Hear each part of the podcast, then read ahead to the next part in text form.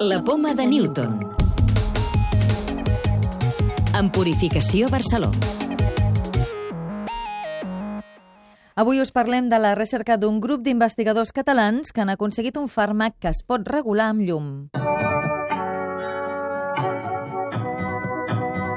La majoria de medicaments que avui es recepten tenen en comú una proteïna que actua com a diana contra les malalties. Científics de l'Institut de Bioenginyeria de Catalunya, l'IBEC, han desenvolupat un compost basat en aquesta proteïna, però que és el primer d'aquest tipus que es pot activar i desactivar a través de la llum, la qual cosa també permet controlar el lloc exacte on s'administra. Pau Gorostiza, cap del grup de nanosondes i nanocommutadors de l'IBEC. En aquest projecte hem desenvolupat un fàrmac que els efectes del qual es poden regular amb llum i que el que podria permetre és controlar el lloc precís de l'acció terapèutica. Prenent i apagant el llum, doncs tu pots activar o desactivar el fàrmac i també pots eh, controlar el lloc precís i el curs temporal.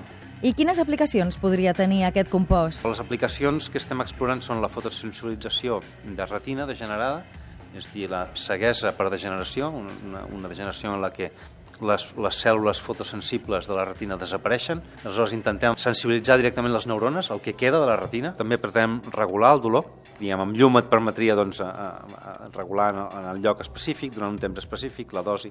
I després una tercera aplicació que estem explorant és la, la regulació de la disquinèsia en el tractament contra la malaltia de, de Parkinson. El projecte finançat pel programa Recercaixa de l'Associació d'Universitats Públiques de Catalunya i l'obra social La Caixa està en fase molt inicial. Ara caldrà perfeccionar el medicament i començar les proves amb animals.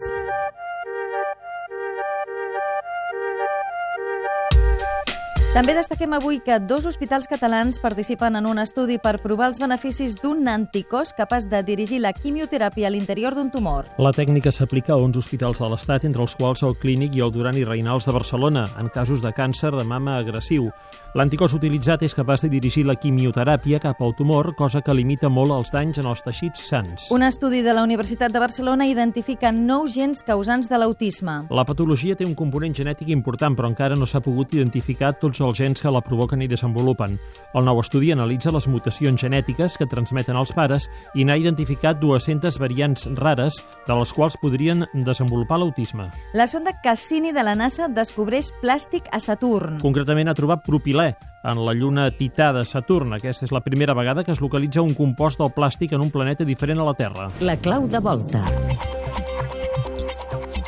Tots els planetes giren al voltant d'una estrella? Jordi Eloi, de l'àrea de Ciència i Medi Ambient de l'obra social La Caixa. Tots no. Hem començat a descobrir planetes que floten lliurement per l'espai.